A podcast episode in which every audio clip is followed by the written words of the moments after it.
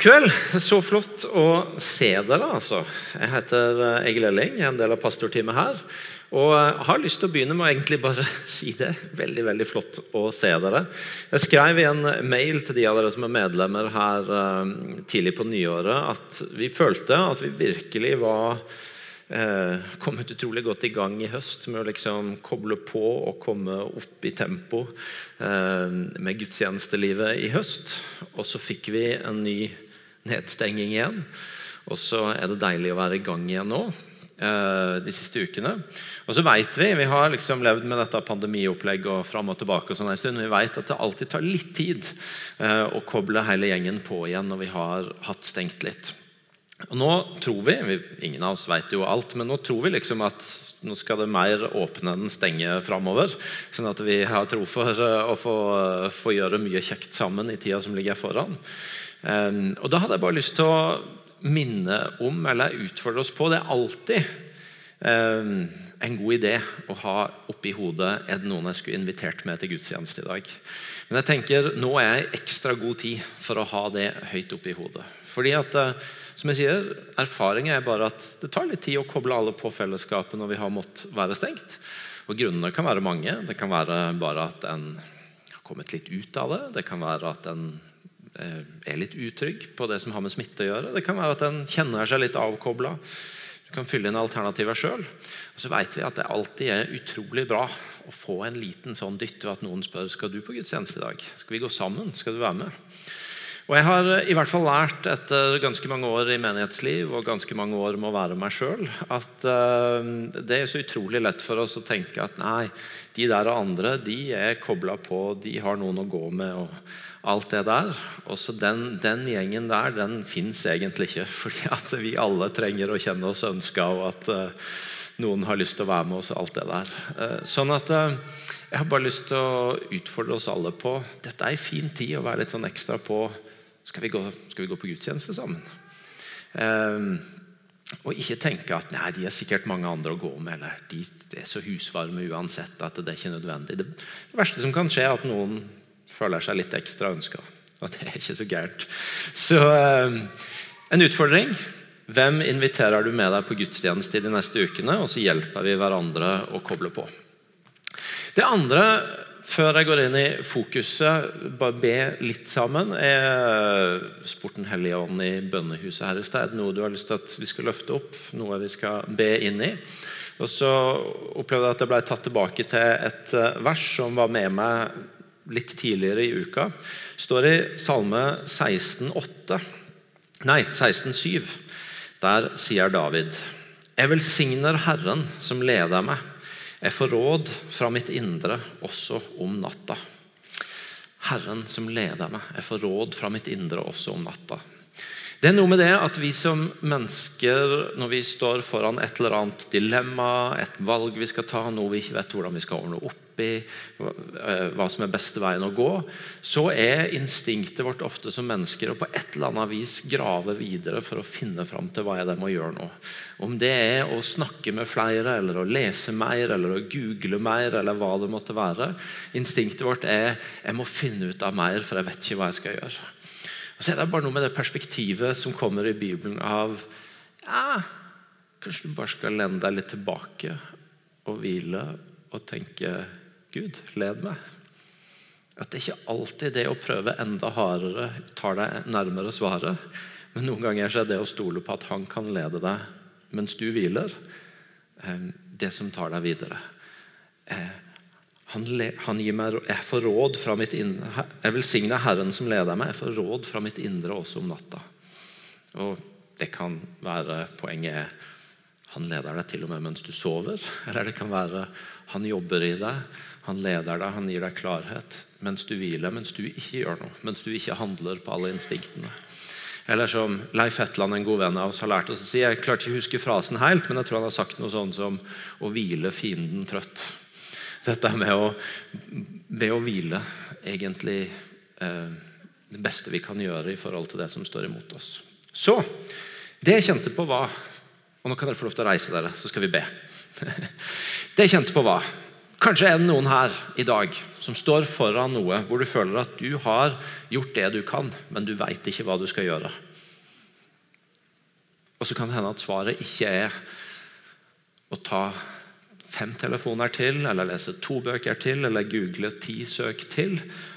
Men det er å ta tak i det løftet. Jeg velsigner Herren som leder meg. Jeg får råd fra mitt indre sjøl om natta. Og Hvis det gjelder du, så har jeg bare lyst til å be det løftet over livet ditt. Så Hvis du står der, vet ikke hva jeg skal gjøre, jeg kommer til enden av det jeg kan finne ut, så kan du få rekke ei hand i været, og så har vi som menighetsfamilie lyst til å be for deg. Yes. Hold hendene deres i været. Og så er det ikke sånn ennå at vi som familie kan gjøre det vi aller helst vil gjøre, nemlig å gå til folk og legge hendene på dem og be for dem. Men du kan få lov til å snu deg rundt, se noen som står med ei hånd oppe, strekke den mot dem og være med å be. Og Så leder jeg litt an i bønn, og så lar jeg det være litt stille, så kan du be for brødre og søstre der du står.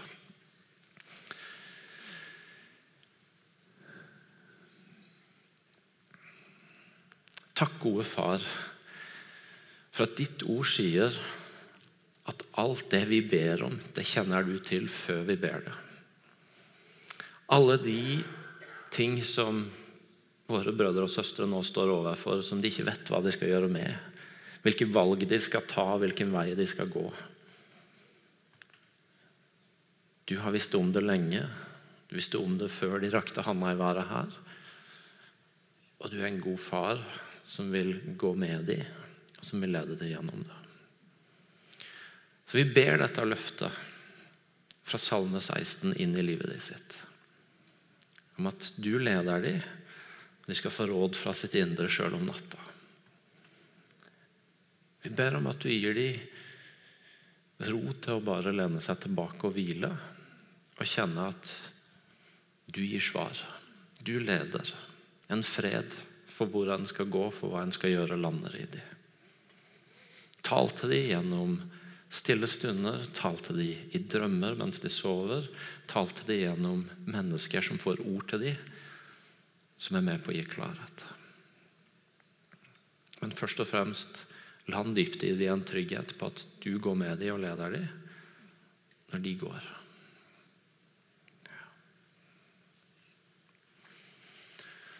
Kom, Elia.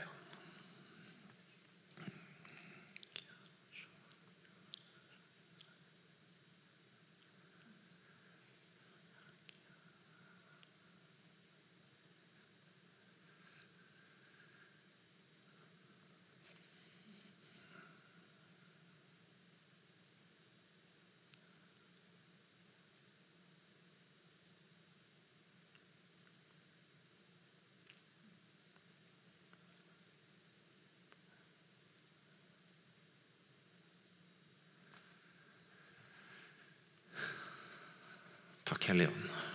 Amen. Vær så god, sitt.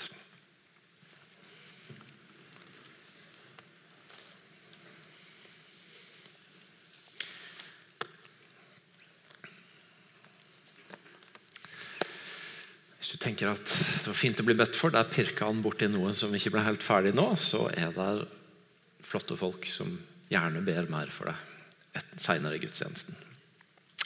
Som Martin sa, vi har tre måneder, eh, hatt tre måneder med et fokus som vi har kalt 'brobygger elsk muslimer'. Og i dag er, som han også helt riktig sa, ikke et punktum, ikke en avslutning på det fokuset. Men for nå så avrunder vi taleserien, og så skal fokuset fortsette å være med oss. Og så kommer vi til å løfte det opp med jevne mellomrom framover. For vi har sagt at dette er en sånn greie vi må ha et langt perspektiv på. Så vi har allerede begynt å tenke på folk vi skal invitere til å være med oss og løfte dette opp for oss. Ehm, og Vi tror at her er vi kommet i kontakt med noe som blir viktig for oss, ikke bare for en tre måneders men i mange år framover. Ehm, Fokuset det begynte egentlig med at Martin kom til oss. Det var Martin som opplevde at Gud hadde talt, gitt et fokus, og kom og sa er det noe her. Jeg tror vi skulle gjort noe her. også. Vi andre hørte, og vi var med i samtalen, og vi ba. Og så jo, her er det et eller annet. Og så um, Ok, vi, vi, går videre ned langs den veien og brukte tid på å grave i temaet, på å be over det, på å spørre hva gjør vi og så, og så har vi vært inne i dette fokuset de siste tre månedene. Og så er jo Noe av det en oppdager, det er at uh, fordi om vi får sånne tilbakemeldinger om at wow, takk for at dere, dere tør å gjøre det. og Det eh, kan virke som at kanskje ikke så mange andre kirker i Norge har satt fokuset akkurat så skarpt.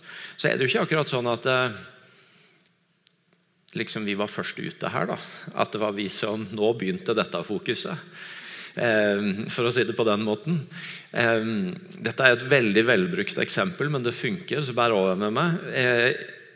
Like før jul så måtte vi kjøpe ny bil i familien vår. Og Vi endte opp med en bil som jeg så vidt knapt hadde hørt om før. Og så får du den der opplevelsen at noe du knapt visste hva var, idet du blir oppmerksom på det, så er det jo som om alle kjører den bilen nå.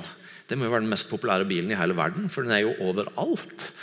Eh, og sånn er det noen ganger ikke sant, at Når noe får fokuset ditt, så plutselig så ser du det overalt. Og Det er noe av det som har gjort stort inntrykk på meg når vi har gått inn i dette fokuset, som er grunnen til jeg sier at det er jo ikke akkurat sånn at det var hos oss dette Gud valgte å starte dette fokuset. Han har holdt på en stund før vi våkna. for å si Det sånn. Det har jo vært den opplevelsen at når du begynner å se på dette, så oi, det dukker jo opp overalt at Gud gjør noe blant muslimer. At Gud har et hjerte for å nå ut til de utrolig Og igjen, det har vi snakka om. ikke sant? Muslimer er ikke én gruppe, det er ikke én type folk. Det er en utrolig mangfold, men Gud gjør noe blant mennesker som på ulike vis er eller har en bakgrunn som muslimer. Masse sånne opplevelser fra et døgn i Oslo i høst hvor jeg er i Oslo for å gjøre noe helt annet. og I løpet av det døgnet så snakker jeg med to personer uavhengig av hverandre som bare uoppfordra begynner å fortelle om hvordan noen de kjenner som er muslimer, har kommet til å tro på Jesus. Eh, opplevelsen når vi Eh, er i Danmark en måned seinere og holder på med noe helt annet og bare tilfeldig forteller om det fokuset vi er på vei inn i. Og så, ja, så, så har en muslim blitt kristen i den menigheten, og hun der holder på å oversette et kurs fordi at her er noe Gud gjør og skal hjelpe folk. Også. Litt seinere skal vi til London med noen fra lederteamet vårt og treffe en vi har vært i kontakt med i mange år. og så Plutselig viser det seg at ja, den området du har planta menighet i, der er jo flertallet muslimer. Og du har masse historier om hvordan dere har vært i berøring med det. og fått være med å lede folk til tro osv. Senest denne siste uka, for ei uke siden, så hadde vi um, en sånn samling for alle de ulike nasjonene i Agenda 1, menighetsnettverket vårt. Uh, og ledere fra mange forskjellige, mer enn ti forskjellige nasjoner som på en eller annen vis er kobla på Agenda 1-nettverket som ledes ut fra menigheten her. Og så popper det opp der òg.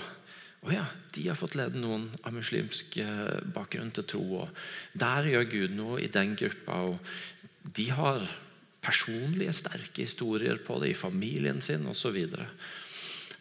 Senest på mandag så eh, i forbindelse med Bibelen på et år-satsinga vi har, så hadde jeg et intervju med en som er med og leder Bible Project. Noen sånne vid flotte videoer som, som, er ressurser for å forstå Bibelen bedre. Og så spurte jeg bare, uten å ha tenkt på dette fokuset her i det hele tatt, har du noe vitnesbyrd om at folk kommer til tro gjennom det dere holder på med? Ja da. ja. Vi hører f.eks. at det er masse ganske mange muslimer som ser på videoene våre og oppdager Bibelens sannheter og kommer til tro gjennom det. Jeg tror dere får tak i poenget mitt. Poenget mitt er den der Oi, her, Gud, åpner du øynene våre for noe som du har holdt på med lenge, og som du holder på med, og som skjer. Og Det er en av de tingene som jeg virkelig håper, og som har vært noe av ønsket vårt for denne serien, det er at det skjer noe med fokuset vårt. At det skjer noe med tankegangen vår. Ehm, med det vi blir oppmerksom på, med det vi legger merke til. Målet med å sette fokuset brobyggere, elsk muslimer, har ikke vært at det skal begynne masse nye eh, aktiviteter og arbeid her i menigheten rundt det. Målet har først og fremst vært at jeg og du blir oppmerksom på menneskene rundt oss, og på hva Gud gjør, og på hvordan vi kan være en brobygger til mennesker i vårt nabolag, i, eh, i, vår by, på vår arbeidsplass, på vårt studiested, på den fotballbanen vi står i, eh, står på med barna våre, eller hva som måtte være det relevante eksempelet. Poenget har vært et fokus som gjør at vi oppdager oi, disse menneskene er rundt oss. Og som vi har snakka om, selv om vi kanskje kan tenke Skal vi på en måte tenke spesielt om den gruppa? Er ikke de like mangfoldige som oss? Jo, det er de. Men det er så mye historier og så mye tall og statistikker på at dette er en gruppe som ikke alltid blir spesielt tatt godt imot i landet vårt. Som kan kjenne på utenforskap, som kan kjenne på å ikke bli ønska velkommen. Og vi har lyst til å være med å bygge den broa som gjør at de føler seg velkommen, at de blir sett, at de blir anerkjent, at de blir tatt imot i vårt land. Og så er De eksemplene jeg ga nå, de er jo veldig sånn pastoreksempler. Jeg skjønner det. Jeg snakker med pastorer her og pastorer der og alt det der. Men det som har vært kult, har jo vært å høre etter hvert som vi har jobba med dette, hvordan dere også gir tilbakemeldinger, og folk her gir tilbakemeldinger på at ja, jeg begynner å gjøre meg noen tanker, jeg begynner å se noen ting.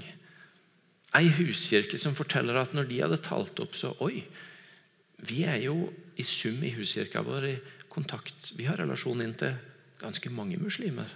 Hva betyr det for oss? Noen som sier hm, jeg har begynt å tenke på hva betyr det for meg når jeg leier ut dette fokuset for meg når jeg leier ut leilighet. En jeg snakka med som, som er arbeidsgiver, og så har jeg begynt å tenke på hva betyr dette for meg når jeg skal ansette folk. En som sa det gikk jo plutselig opp for meg at frisøren min er muslim. Der har jeg et kontaktpunkt. Og så kan du fortsette. Poenget er det har noe med denne mindset-greia å gjøre. Fokuset. Det å oppdage arenaene, det å oppdage mulighetene, det å oppdage de stedene hvor vi kan være brobyggere, hvor vi kan knytte kontakt, hvor vi kan være med på å ønske noen velkommen og koble oss på det Gud gjør blant disse menneskene. Og det tenker jeg at Når vi nå på en måte går ut av og blir minnet om dette fokuset hver uke, så er det et av de viktige spørsmålene for oss alle å stille. Hvordan skal jeg ta med dette fokuset videre i min hverdag?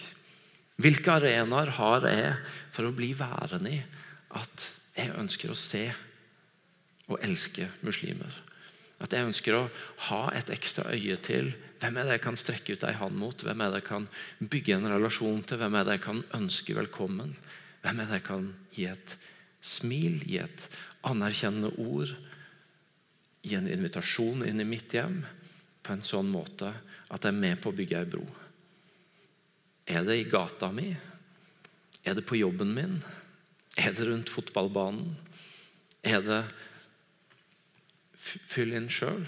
Hvor er mine arenaer for å bli værende i dette fokuset? Og så vet vi at noe av det beste vi kan gjøre for å holde fast i et sånt fokus, det er bønn. Fordi når vi ber, så jobber Gud på begge sider av bordet. Eller i dette tilfellet, om du vil, broa.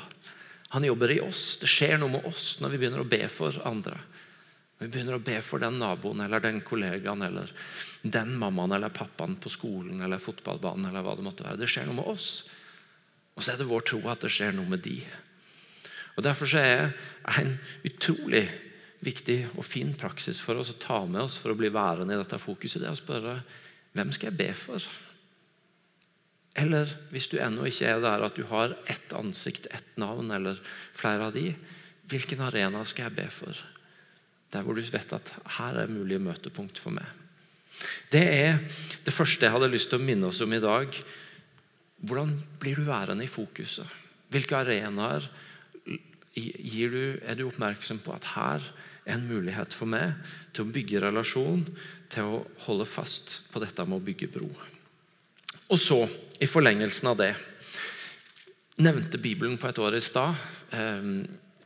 Holder jeg på å lese gjennom Bibelen sammen med en god gjeng. og Denne uka så er det to tekster som har fått meg til å stoppe opp. To tekster som egentlig i seg sjøl ikke har så mye med dette fokuset å gjøre, men som allikevel har gitt meg et perspektiv inn. Fordi at eh, Jeg har lest i Matteus 19 og 20. Og Der er det to episoder hvor folk forsøker å holde mennesker borte fra Jesus, eller på en måte hysje på dytte folk litt til sides fordi at de er en forstyrrelse. Du møter deg først i Matteus 19. Jesus, eller, eller Det står om at de kom til Jesus med små barn. og De ville, ville ta barna sine til Jesus. Og Så står det at disiplene de viste de bort. De, det, det var en forstyrrelse, det var i veien. Og Så stopper Jesus de, og så sier han nei, nei, nei, la barna være, la de komme til meg. Ikke hindre de. Og Så legger han hendene på dem og velsigner dem. Og så Litt, litt senere, bare et kapittel senere så står det at Jesus er på vei ut av Jeriko, og det kommer et følge der med han. Og Så er det to blinde menn som sitter langs veien og som hører at Jesus er der, og sikkert vet noe om hva han kan gjøre. Og så, um, uh, og så begynner de å rope på han. 'Ha barmhjertighet med oss.' Og igjen så er det noen som Nei, hysj! De prøver å hysje på dem, prøver å dempe dem. Det passer ikke inn. Og så er Jesus den som stopper opp og sier, 'Hva kan jeg gjøre for dere?' Og så ender det med at han helbreder dem. To settinger hvor instinktet til folk rundt er 'Dette passer ikke. Dette er en forstyrrelse. Dette er i veien.' Og to steder hvor Jesus er den som stopper opp og sier, 'Nei, nei, nei. Stopp nå. La meg, la meg få treffe dem.' La meg få snakke med dem, la meg få be for dem, velsigne, helbrede. Og jeg tenker, Det er ikke sikkert at i disse to situasjonene at de som prøvde å dytte til side, prøvde å hysje, var så veldig mot. Det er ikke sikkert at de, Hvis du spurte dem ja, tenker du at Gud og barn ikke hører sammen, så vil de si nei, det, det hører absolutt ikke sammen. De vil antagelig, hvis du spurte, jo jo, selvfølgelig barna våre må jo også få møte Gud og tro på Gud. Og så kan det hende det var litt annet, definitivt noen som nok levde med en teologi om at de som var blinde eller syke på et eller annet vis levde At det fulgte av en, en synd, eh, som var en tenkning på den tida. Men sånn, utover det så er det ikke sikkert at det var så mange som heller tenkte at det mot i seg selv, prinsipielt, at eh, noen blinde skulle møte Jesus. Men det passa ikke inn passa ikke i det som skjedde da. De opplevde det som en forstyrrelse. Nei, ikke nå. Hysj. Holder jeg på med noe annet? Retninga er en annen.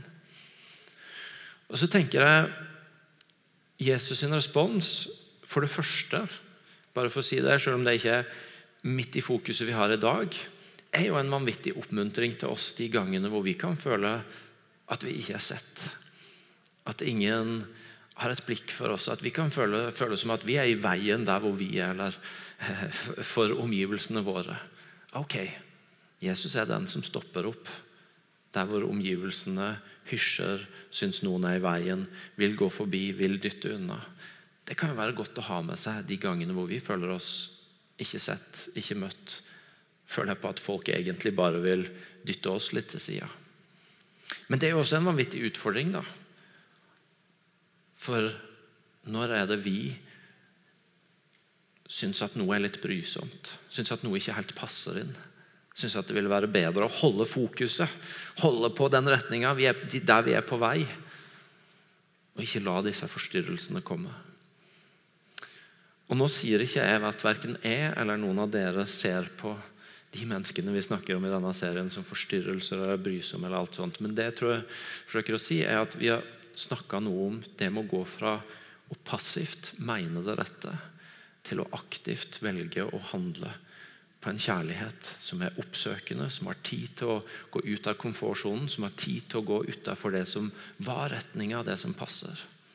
For jeg tror at de aller fleste blant oss de vil sånn passivt sett mene stort sett det vi vil anerkjenne i samfunnet vårt som riktig. Skal vi inkludere og integrere? Skal vi opptre vennlig? Skal vi opptre med respekt? Ja, ja, ja. Alt det der. Men så er det det når det krever at vi har tid til å la oss forstyrre. Når det krever at vi blir aktive. Når det krever at vi går ut av komfortsonen. Og Det er noe av det som dette fokuset utfordrer oss på.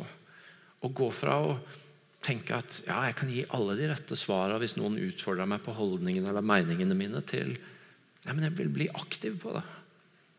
Jeg vil velge aktivt å la meg forstyrre. Jeg vil velge aktivt å gå ut av min retning for å ha rom til mennesker som trenger at jeg ser, elsker, inkluderer, møter. Og jeg synes Det er et annet bibelvers som jeg har hatt med meg eller bibelsted som jeg har hatt med meg gjennom denne serien. Det er Jeremia 7, hvor Gud taler til Jeremia om tempelet. Og Så står det fra vers 3 til vers 6. Så sier Herren over hærskarene, Israels Gud. Gjør veien og gjerningene deres gode, så vil jeg la dere bo på dette stedet. Stol ikke på de falske ordene 'Herrens tempel, Herrens tempel, Herrens tempel'. Men om dere virkelig gjør veiene og gjerningene deres gode, om dere gjør rett mot hverandre, ikke undertrykker innflyttere, farløse og enker, ikke utøser uskyldig blod på dette stedet og ikke følger andre guder til skade for dere sjøl, da vil jeg la dere bo på dette stedet. Det Gud sier gjennom Jeremia her, det er jeg vil ikke bare ha de rette ordene. Herrens tempel, Herrens tempel, Herrens tempel. Jeg vil ikke bare ha de rette religiøse ordene. Men jeg vil ha denne aktive, oppsøkende kjærligheten som han spesifiserer spesifikt mot de som er fremmede i landet, de farløse og enkene. Det er noe i denne, dette fokuset som i hvert fall har utfordra meg veldig på. Hvordan blir jeg aktiv? Hvordan blir kjærligheten min virksom? Hvordan går jeg fra å mene rett til å handle rett? I tråd med Guds kjærlighet. Og Det er det andre som jeg har lyst til å utfordre oss på når vi går videre i en ny fase og tar med oss hvordan blir jeg værende i en sånn prosess? Hvor det ikke handler så mye om å si de rette tinga, som å la seg forstyrre, la seg bli tatt ut av komfortsonen bli med inn i et sånt rom hvor, hvor det krever handling av meg. Og så er Det siste jeg har lyst til å si, det er på en måte summen av det. Det er egentlig 'Kom, Hellige Ånd'. Kom, Hellige Ånd, og fyll oss. Fordi at eh, Det kan jo bli mye snakk om hva vi skal gjøre. Om at vi skal skifte fokus, om at vår kjærlighet må gå fra passiv til aktiv. Og, eh, og alt det der. Og så er det noe med min Gud hvis du kaller oss, hvis dette er det du leder oss inn i, så er det også du som utruster oss. Det er du som gir oss det vi trenger. Det er du som leder oss.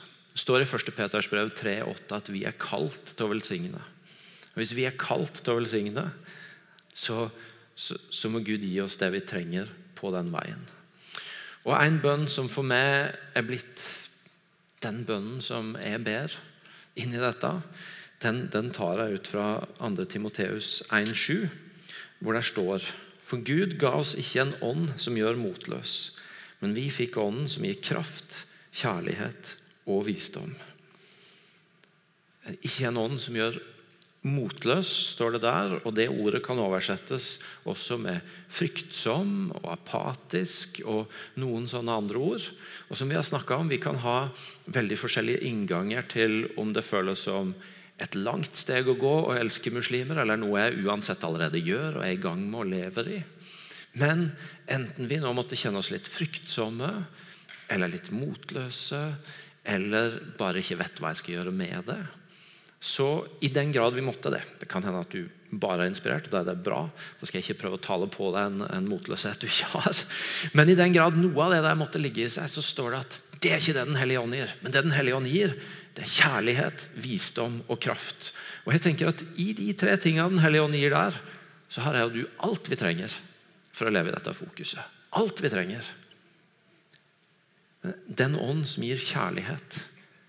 Noe av det viktigste vi har sagt i denne serien, det er at det handler ikke om å vinne, men om å elske. Jeg vet ikke hvordan jeg skal vinne folk, men jeg kan bli med i en bevegelse av å elske folk. Å elske det kan være forskjellige ting. Det kan handle om å strekke ut ei hånd og invitere til relasjon. Det kan handle om å ære og anerkjenne istedenfor å gå i diskusjon og fight. I den boka som vi har lest sammen i denne serien, 'Til naboer og nasjoner', så forteller hun et eksempel, en eksempelhistorie om en gang hun satt og og Så kom hun over en sånn oppstilling på internett av hvorfor kristen tro var sann, og en annen religion der står ikke spesifisert om det var eh, islam, ikke var sann. Hun satt rundt midnatt og fant dette og tenkte yes, her er det jeg trenger for å få overbevist venninna mi om at hun må jo bli med over på mitt lag. Så hun fyrte den av gårde. Og så fikk hun tilbake en respons ikke lenge etterpå fra venninna si. Aner du hvor sårende det var for meg at du midt på natta sender meg en masse argumenter om hvorfor du har rett og jeg tar feil?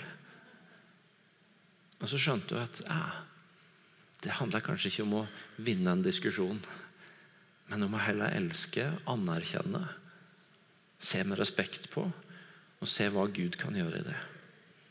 Den hellige ånd som gir kjærlighet. Til å strekke ut ei hand, til å anerkjenne, til å finne kontaktpunktene. og vi kan si det som er bra i og med, i stedet for å gå i klinsj med. Den begynner med å elske og anerkjenne. Altså Den hellige ånd som gir visdom. da. Visdom til å kanskje komme andre svar. Visdom til å stille de gode spørsmåla som åpner opp en ny samtale. Visdom til å legge bibelteksten foran og, eh, og la den fortale for seg sjøl. Vi hørte Janet Seierstad, som var med oss på en gudstjeneste helt i starten av året. Hun fortalte om hvordan noe av det mest kraftfulle det arbeidet hun sto i, hadde opplevd i forhold til å nå ut til muslimer. Det var det de kaller sånn 'discovery Bible studies'. Altså det å oppdage Bibelen sammen. Ikke en bibeltime fra en kristen til en muslim, men en felles oppdagelsesferd i Bibelen. Visdom til å åpne opp ordet på en sånn måte at det blir levende. Og til slutt kraft. da. Kjærlighet, visdom, kraft. Vi hører alle disse historiene om hvordan Gud møter muslimer i drømmer. Hvordan han viser seg for dem i syn. Hvordan en helbredelse ble et utgangspunkt for en helt ny samtale. Hvordan et profetisk ord gjorde Hæ? Hva er det som skjer her? Det ville være utrolig rart hvis vi skulle være med på denne reisen som Gud har invitert oss inn i, uten å koble på kraftdimensjonen. Uten å spørre Gud åpne opp dette feltet av profetiske ord, av helbredelser, av syner og drømmer. La det skje i vår by, la det skje i vår menighet. Gi oss mer kraft til å være i berøring med at du overrasker, at du helbreder, at du gjør de tinga som, som går forbi både kjærligheten og visdommen og inn i ja, men dette kan ingen av oss helt svare for. Kanskje har det noe med Gud å gjøre. Og så er det fantastisk at det denne teksten sier, er ikke hvis dere skal lykkes, så må dere ha kjærlighet, visdom og kraft. Men den sier Den hellige ånd, som dere får, gjør dere ikke motløse, men den gir dere kjærlighet, visdom og kraft. Derfor tenker jeg i hvert fall jeg på slutten av en sånn serie at min bønn for meg, for jeg har lyst til å bli værende i dette fokuset, og for oss som menighet, det er egentlig Kom, Hellige Ånd. Kom, Hellige Ånd, og fyll oss med en ånd av kjærlighet, av visdom, av kraft.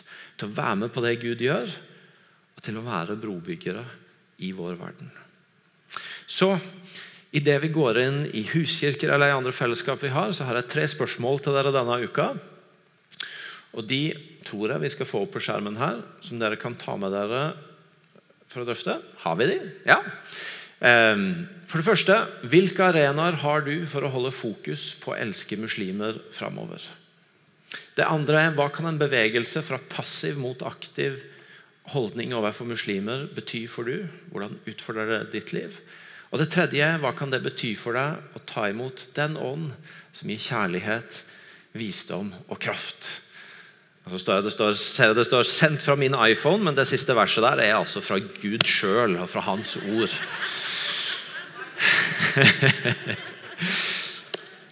Det kan du ta et bilde av eller gjøre hva du vil med. Det er et spørsmål til samtale i huskirka di eller fellesskapet du har. Nå skal du få lov til å reise deg opp. Og så har jeg lyst til å si be. Kom Hellige Ånd til oss inn i dette fokuset. Hellige Ånd, takk for at du har leda oss inn hit. Takk for at du har minnet oss om noe som du har holdt på med lenge.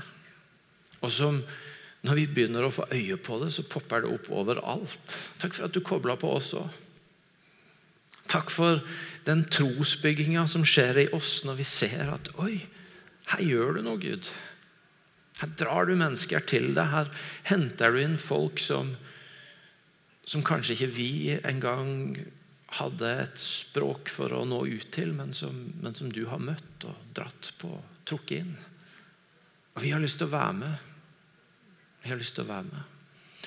Derfor så ber vi deg, Hellige Ånd, fyll oss og utruste oss. Fyll oss med din kjærlighet. En kjærlighet som ikke er passiv, men aktiv. En kjærlighet som ikke argumenterer, men anerkjenner. En kjærlighet som, som, som lar seg forstyrre og stoppe og eh, seg ut av våre både planer og komfortsoner. Fyll oss, Hellige Ånd, med din kjærlighet til å se og berøre og inkludere og ønske velkommen. Og fyll oss, Hellige Ånd, med din visdom. Den visdom som, som, som tør å stille spørsmålene som åpner opp samtalene. Visdommen som, som, som trekker inn i ditt ord på en sånn måte at det åpner seg. Visdommen som gir andre svar enn verden rundt. Visdommen som hjelper oss til å ikke si 'kom og bli som oss', men som anerkjenner at du skal få, få lov til å komme fra den bakgrunnen og kulturen du kommer fra, men du kan like fullt få gå med Jesus. Og Kom, Hellige Ånd, og fyll oss med din kraft, sånn at vi kan få se tegn og under og mirakler. Helbredelser, profetiske ord, syner i vår by, i vår menighet, i vårt land. På en sånn måte at mennesker som ellers kanskje ikke hadde sett det, stilt nye spørsmål til deg, begynte å oppsøke deg, får deg på radaren. Mer av din kraft, Hellige Ånd. Mer av din kjærlighet, mer av din visdom, mer av din kraft. Kom, Hellige Ånd.